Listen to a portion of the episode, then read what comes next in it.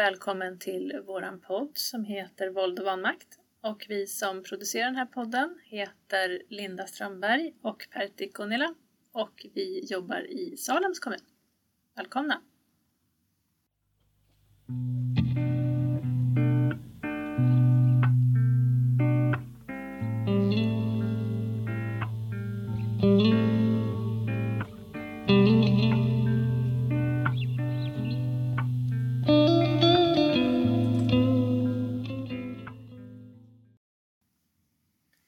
Pertti!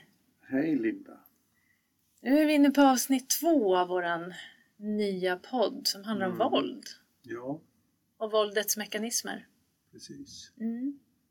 Och eh, vi har ju pratat om lite eh, svårigheterna med att faktiskt göra den här podden.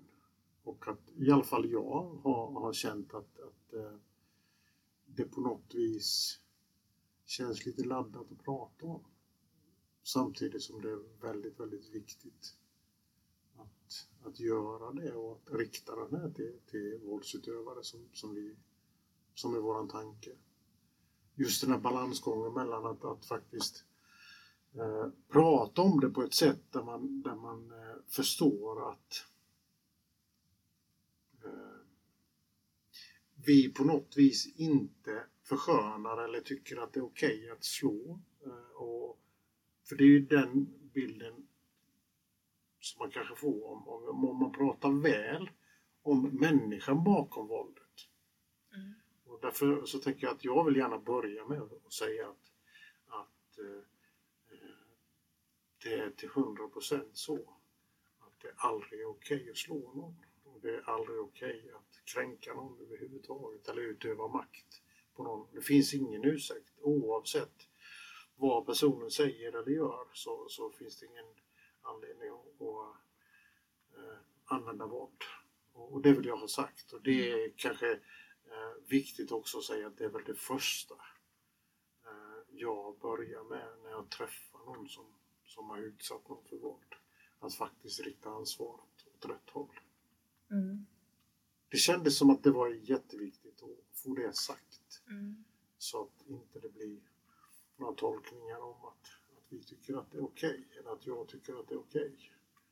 Jag, jag tycker om att jobba med människor. Jag, jag ser eh, våldet som en mekanism och, och, och ett, ett beteende som, som eh, vilket som, som man behöver jobba med. Och. Och det kan jag ju, när jag lyssnar på dig så tänker jag att det där handlar ju också om att man behöver nå den som söker hjälp och den som vill komma till en förändring. Den behöver ju vi som behandlare på något sätt också gå bredvid på något sätt i deras berättelse för att kunna hitta alternativa vägar, för att kunna ta ansvar för det man har gjort. Så jag tänker att det är ju väldigt viktigt det du säger, Mm. att det handlar ju, det är ju där hoppet finns. Ja, Eh, och de vi möter oavsett varför man kommer till öppenvårdsteamet ska alltid kunna känna sig lyssnade på. Det betyder inte att vi tar ifrån ansvaret eller okejar sådana beteenden. Och det är väl bra att poängtera, det tycker jag är viktigt. Sen är det väl också, är det inte också så en del Pertti att många som vi möter som kanske har problem just när det gäller våld är väldigt duktiga på att hitta bortförklaringar. Så det är väl därför det blir extra viktigt att man blir lite rädd för att man ger olika eh, ursäkter eller förklaringar. För det är ju en del oftast i ett destruktivt beteende. Det är ju att man hittar massor med olika bortförklaringar. Ja, precis som, som vi, vilket eh, annat missbruk, eh, eh, beteendeproblem eller vad, vad det nu än är så finns det ju alltid. Alltså man skulle inte kunna leva med. Jag vill bara med att säga att jag tror på fullaste allvar att någon som slår en annan person, om man inte är sjuk på något annat vis, eh, mår inte bra av det. Och, och eh, man ser att man gör folk illa. Eh, man undrar vad det är för fel och, och ändå så hamnar man i det där gång på gång. Så att jag, jag tänker att, att eh, det är klart att, att eh, det finns en massa förklaringar och man måste hitta förklaringar eh, i, i sig själv eller i sin barndom eller vad det nu än är för att, att man slår. Men, eh, men eh, om man får sitta och prata om det där. Om man får prata om eh, vad man kan göra och, och vad man egentligen gör med människor när man utövar våld och sådär. Så brukar det ändå vara så att, att folk, våldsutövare, kan se att det är fel sätt att hantera livet och andra människor.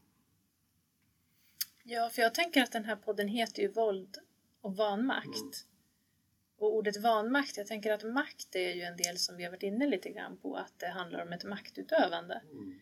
Men de våldsutövare som jag har träffat under min behandlingskarriär har ju väldigt ofta kanske haft ett beteende som har varit att utöva makt. Men de har ju mm. beskrivit en otrolig maktlöshet. Mm. De har ju beskrivit en situation där de själva har känt sig fångade. Antingen av att de är rädda för att bli lämnade av sin partner eller att de drivs av jättedålig självkänsla, mycket svartsjuka, att de har ett jättebehov av att ha kontroll över en situation. Så att det är ju ett enormt lidande och det är oftast väldigt mycket maktlöshet, tänker jag. Och det är ju viktigt att säga att den som utövar den här makten upplever ju väldigt sällan att de har makten. Det kan ju snarare vara tvärtom. Ja. Det, jag tänker, känner du igen det? För det är Absolut. det som kan slå mig ibland, Absolut. att de människorna faktiskt lider rätt mycket av sitt beteende. Ja, det finns ju, det finns ju något lite sånt där ordspråk som jag i alla fall växte upp med och jag har ju några år på nacken. Eh, där man sa att där orden tar slut, där tar nävarna vid. Och jag tänker att, att, att det är ganska ofta eh, som det kanske till och med är så att den som man slår är kanske bättre på att argumentera till och med än vad jag själv är, alltså som våldsutövare. Och, och, och där så hamnar jag i maktlöshet. Jag känner mig väldigt, väldigt liten. Och enda sättet att komma och känna sig lite större och det är att ta, van, att ta makten över situationen. Mm. Så att, jo, det finns förklaringar och, det, och jag tänker att det är väl det behandlingen i förlängningen handlar om. Mm. Att någonstans också göra en resa eh, i sin egen ryggsäck och lite sådär vad man nu har med sig och så. Vad som har format en varför man är på vissa vis och vad, men det är ju en bra bit in i behandlingen. Jag tänker att i första hand så måste man ju komma dit där man faktiskt tar ansvar för att man gör människor illa. Och att eh, man får stopp på det. Mm. Man behöver sluta slå helt enkelt. Då kommer vi in på det där. Alltså jag tänker att det är många som, som eh, blir arga eh, utan att slå. Men, men, och de som som också slår, som påstår eller, eller som beskriver att man blir arg. Och det går jättesnabbt. Eh, det bara svartnar och så har man liksom inte koll. Utan efteråt kan man säga att jag vet inte vad som hände. Och i regel så är det ju det man vill tro. Att det faktiskt är på det viset. Men börjar man titta på det på, alltså lite mer i detalj sådär. Så händer det ganska mycket innan eh, man slår. Eh, det finns startsignaler. Eh, dels det här om man tar om man tar att det är någon som säger någonting till en så är det ju inte bara det som den andra personen säger utan det är också det som händer i den som utövar våld. Alltså den här inre tolkningen av vad det var han eller hon sa. Eh, man kanske blir tillrättavisad på ena eller andra viset och det är inte meningen att, att det ska vara på, på, på något eh, elakt eller kränkande sätt.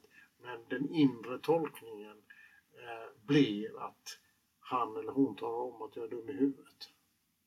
För att jag kanske faktiskt känner mig ganska dum i vissa avseenden. Sådär. Jag känner mig mindre, jag känner mig lite stukad och sådär. Så i ett sånt läge, om man känner igen det, vad tänker du? Kan man ha några konkreta, som en liten handlingsplan för en själv? Där ja. man påminner sig om, ja just det, det är så här jag brukar reagera, eller jag brukar oftast höra mer negativt än vad det kanske egentligen är meningen. Mm. Eh. Och det är ju det där, jag, jag, tänker någonstans att dels så kanske man behöver tala om för sin partner, om det nu är partnervåld vi snackar om, att, att jag eh, tycker inte om det här, jag tänker ta hjälp i det här eh, och jag ska göra mitt allra bästa för att inte slå, inte skrämmas eller vad det nu är för någonting man gör. Och sen så behöver man ju själv då kanske komma överens hur vi ska göra när vi hamnar i en sån här situation. Och återigen så tänker jag att, att den som utsätter, den som blir arg, är ju den som måste börja och se till att när det där börjar hända att man kanske till och med kan säga till sin partner att nu tar jag en time-out. Redan innan det börjar, när man känner att, att, att det liksom hjärtat börjar slå eller vad det nu är. För det är ju så att när den där startsignalen kommer där man faktiskt reagerar så börjar ju kroppen reagera.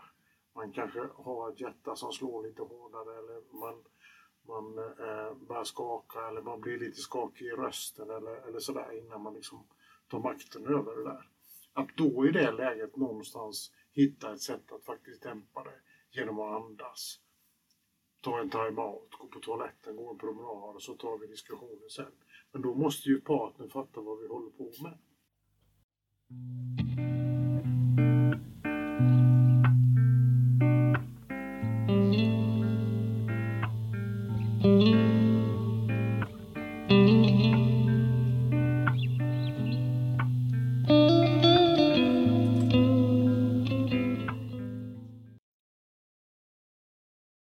Och då låter det som att det första man måste göra är att någonstans sätta ord på det kanske. Ja.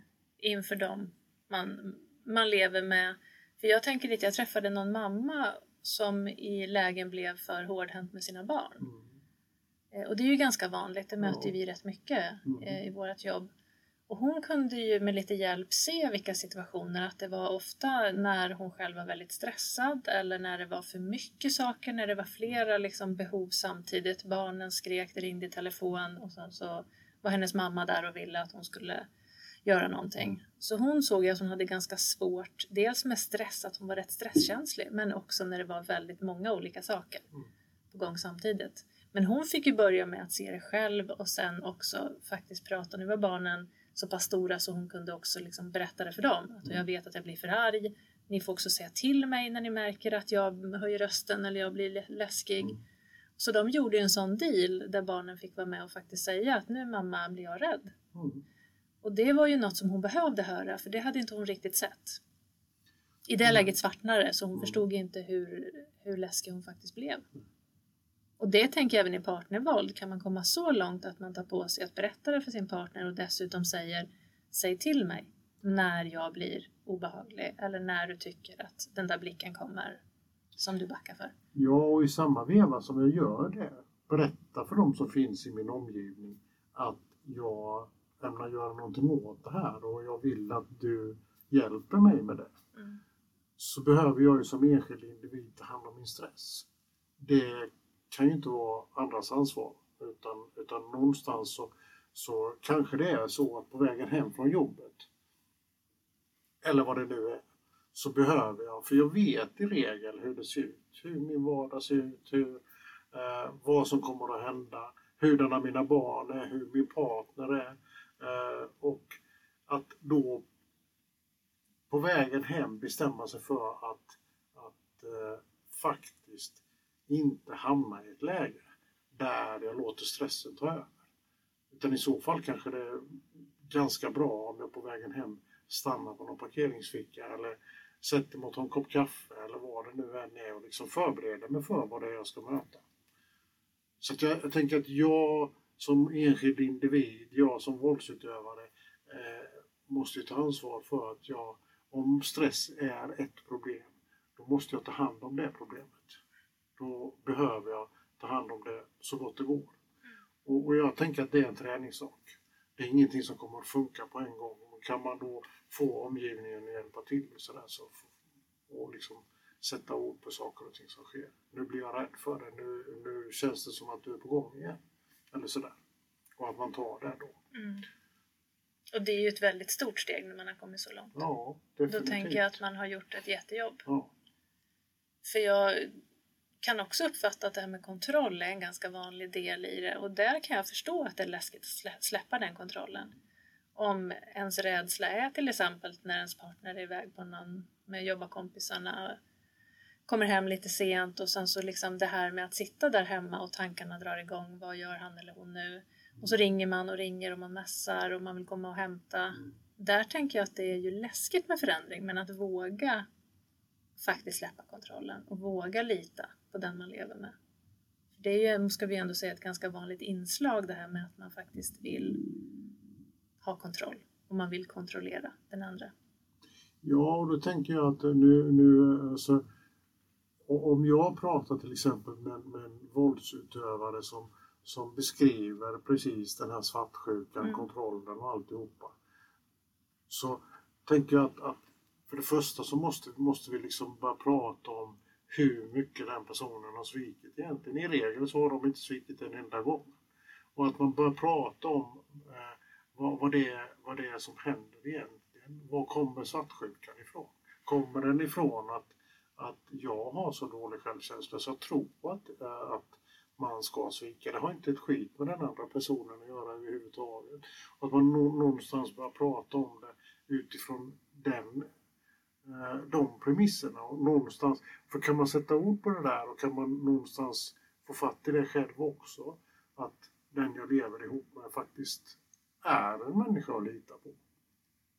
Hon har stått ut med mig, eller han har stått ut med mig hur länge som helst och, och, och vi har haft det bra emellanåt. Så varför skulle hon svika helt plötsligt? Och så att man börjar prata om hur verkligheten är och inte låter det här känslokaoset ta över.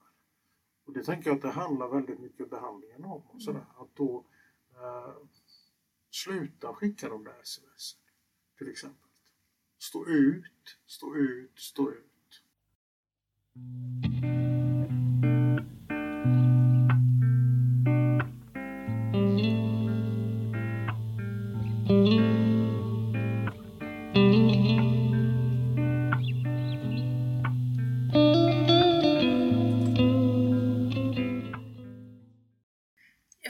Tänker att mycket av behandling tycker jag och förändringsjobb handlar om att prova nya vägar. Ja. Oavsett vad det är vi fastnar i, vi människor, så mm. tänker jag att det är väldigt ofta i mina behandlingar som jag kan uppmana den jag möter att men experimentera, testa att göra på ett mm. helt annat sätt mm. i ett par veckor och sen kan du utvärdera. Mm. För jag tror ju att vi människor är också att vi gör saker ofta på ganska kort sikt. Vi försöker lugna oss kortsiktigt. Mm. Och om jag är en människa som vill ha kontroll och lätt blir svartsjuk så blir jag ju lugn när jag får ett sms till svar. Eller jag blir lugn när jag kan åka och hämta och se att ja, men nu ser jag att han eller hon är okej. Okay.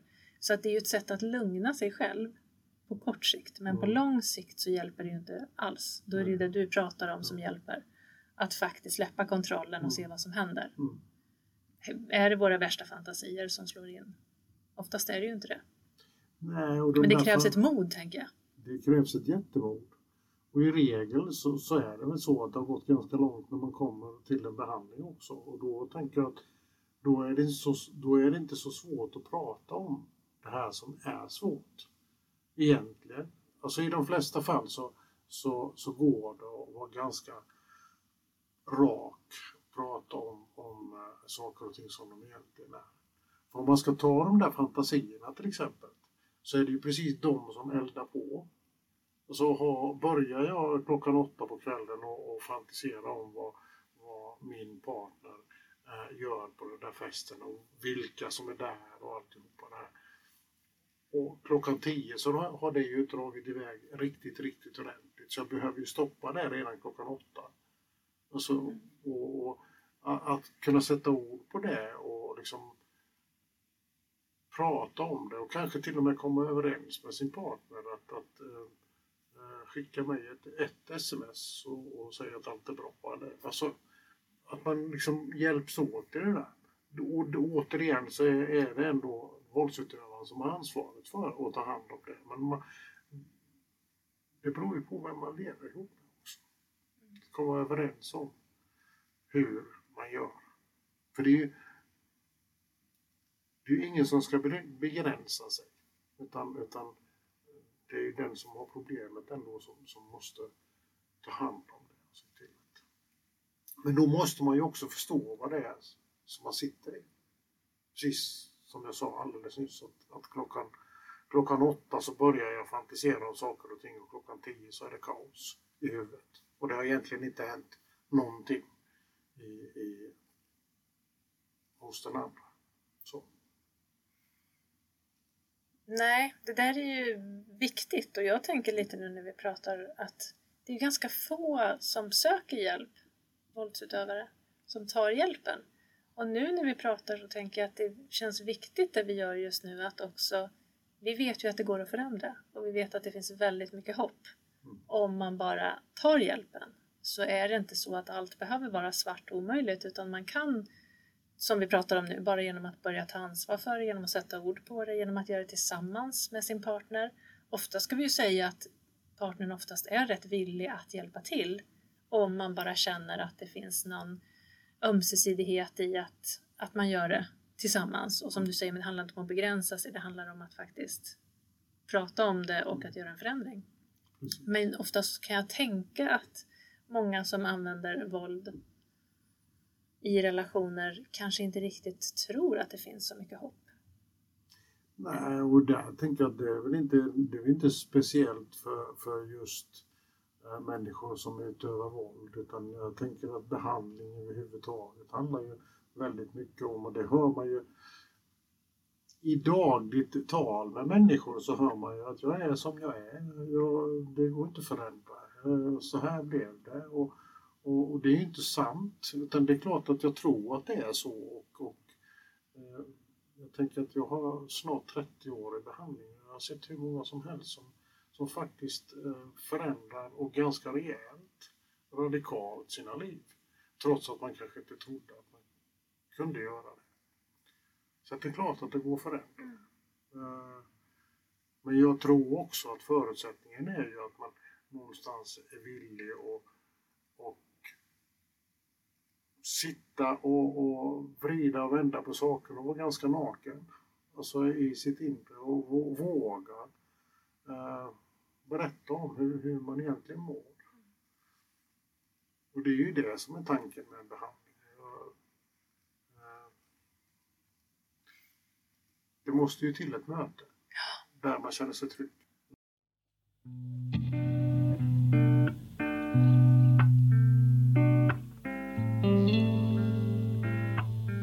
Och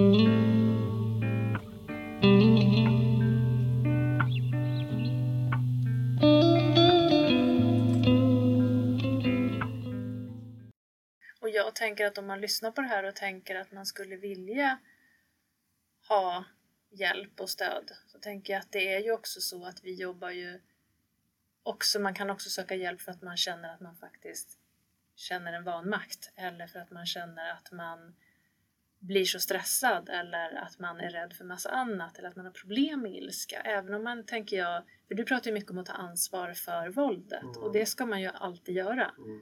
Men jag tänker att man kan också komma hit och börja prata om sin svartsjuka Ja, och vad det gör med en. definitivt. För det, allt det här hänger ju ihop som vi pratar om. Det kan handla om kontroll, eller det kan handla om maktlöshet eller det kan handla om stress. Och det gäller ju att komma till botten med vad är det som utlöser våldet. Definitivt. Och det Ja. känns ju viktigt att säga att oavsett vem som kommer till oss så finns det inte, det första, det handlar, handlar inte om ett fördömande när man kommer hit utan det handlar om att våga se vad kan du göra åt det. definitivt. Från idag och framåt så Mm. kan vi göra en förändring. Mm. Och det är ju där hoppet finns som sagt. För att det är ju, precis som du sa så finns det en människa bakom alla beteenden Mm. som tror jag längtar och vill må bra och vill ha fungerande relationer. Ja, och jag tänker om man ska eh, prata om det utifrån det så är det ju någonstans ändå så att, att även om man själv känner sig ganska dålig Mm. som människa eh, när man har utövat makt eller våld eller vad det nu alltså på, på det här viset, det vi pratar om, så, så är det ändå så att det finns en människa som har valt att leva ihop med en, som har valt att skaffa barn med en. Så. Så, och jag tänker att det är inte våldsutövaren som, som han eller hon har gift sig med eller, eller flyttat ihop med. Utan det är ju människan bakom allt det här. Som ändå finns där. Och, det, och jag tänker att tanken med behandling är ju faktiskt att någonstans hitta till den personen som man egentligen är. Eller hitta något annat som är lite större. Jag tänker att det är svårt att hitta tillbaka till någonting som man var för tio år sedan. Men, men att det finns en kärna där som man kan bygga på. Mm. Men det låter lite som om vi ska sammanfatta det innan vi avrundar så är ju ett första steg kanske som vi har pratat om lite idag att dels se de här situationerna som är risksituationer och börja prata om dem. Mm. Det är väl ett stort första steg. Precis. Och våga göra annorlunda kan vi väl uppmana de som lyssnar. Ja, och jag tänker att när du sa det så vaknade upp så tänker jag att de här risksituationerna, det är lätt att tolka att, att jag som våldsutövare eh, ska tala om för min partner om du gör så här eh, så blir jag förbannad. Och det är inte så vi menar. Nej. Definitivt inte utan i så fall är det upp till våldsutövaren att identifiera risksituationerna bestämma sig för att göra någonting åt dem. Mm. Och att, att eh, det ansvaret ligger där. Det är inte så att omgivningen ska förändras. Utan, utan omgivningen ska möjligtvis då hjälpa till och säga att nu ser jag att du börjar bli förbannad. Vad ska vi göra? Mm. Det är viktigt att du säger mm. för jag tror till exempel om man då vet att det är när min partner är borta och umgås med andra, det är då som mina fantasier drar igång. Då är ju det en sån risksituation mm. där man kanske behöver se till att man åker över till en kompis istället eller man drar iväg och tränar, att man ser till att göra något. Ja. Så där finns det ju en förberedelse som man kan göra. Jajamän. Som jag tror skulle hjälpa mm. många. Mm. Men det gäller först att se dem ja. och sen försöka handla annorlunda. Sen tänker jag att vi behöver sluta med, jag kan inte nog betona det, vi har våra mejladresser, mm. eh, vi har telefon, vi jobbar alltså på öppenvården i Salems kommun. Eh, det är bara att slå en signal, skicka ett mejl och så om man har saker och ting man undrar över. Jag tänker att det är lite förutsättningen för att den här podden ska, ska leva också. Mm. Eh, att vi får in frågor och mm. funderingar kring det vi faktiskt pratar om. Mm. Det är bra att du säger. Mm. Man kan gå in på växthusetsalen.se och där finns det också ett formulär. Jag tänker att man kan ju vill man vara anonym, det är inte så ofta som vi, vi pratar om det, men det är ju väldigt viktigt att säga att man kan faktiskt ringa anonymt. Och man kan ringa till växelnumret och bara be att få bli kopplad till dig eller mig mm. eller någon annan på öppenvården. Alla kan, kan ta ett sådant samtal. Och då kan man vara anonym och mer bara ringa förutsättningslöst och säga det här händer. Mm. Vad kan jag få för hjälp? Mycket bra. Så, så. så. tar vi det därifrån. Ja. Mm. Vad bra! Tack för idag Pertti. Får vi Tack. se vad nästa avsnitt handlar om. Precis. Ja, antagligen våld och vanmakt. Ja. Mm. Tack. Tack.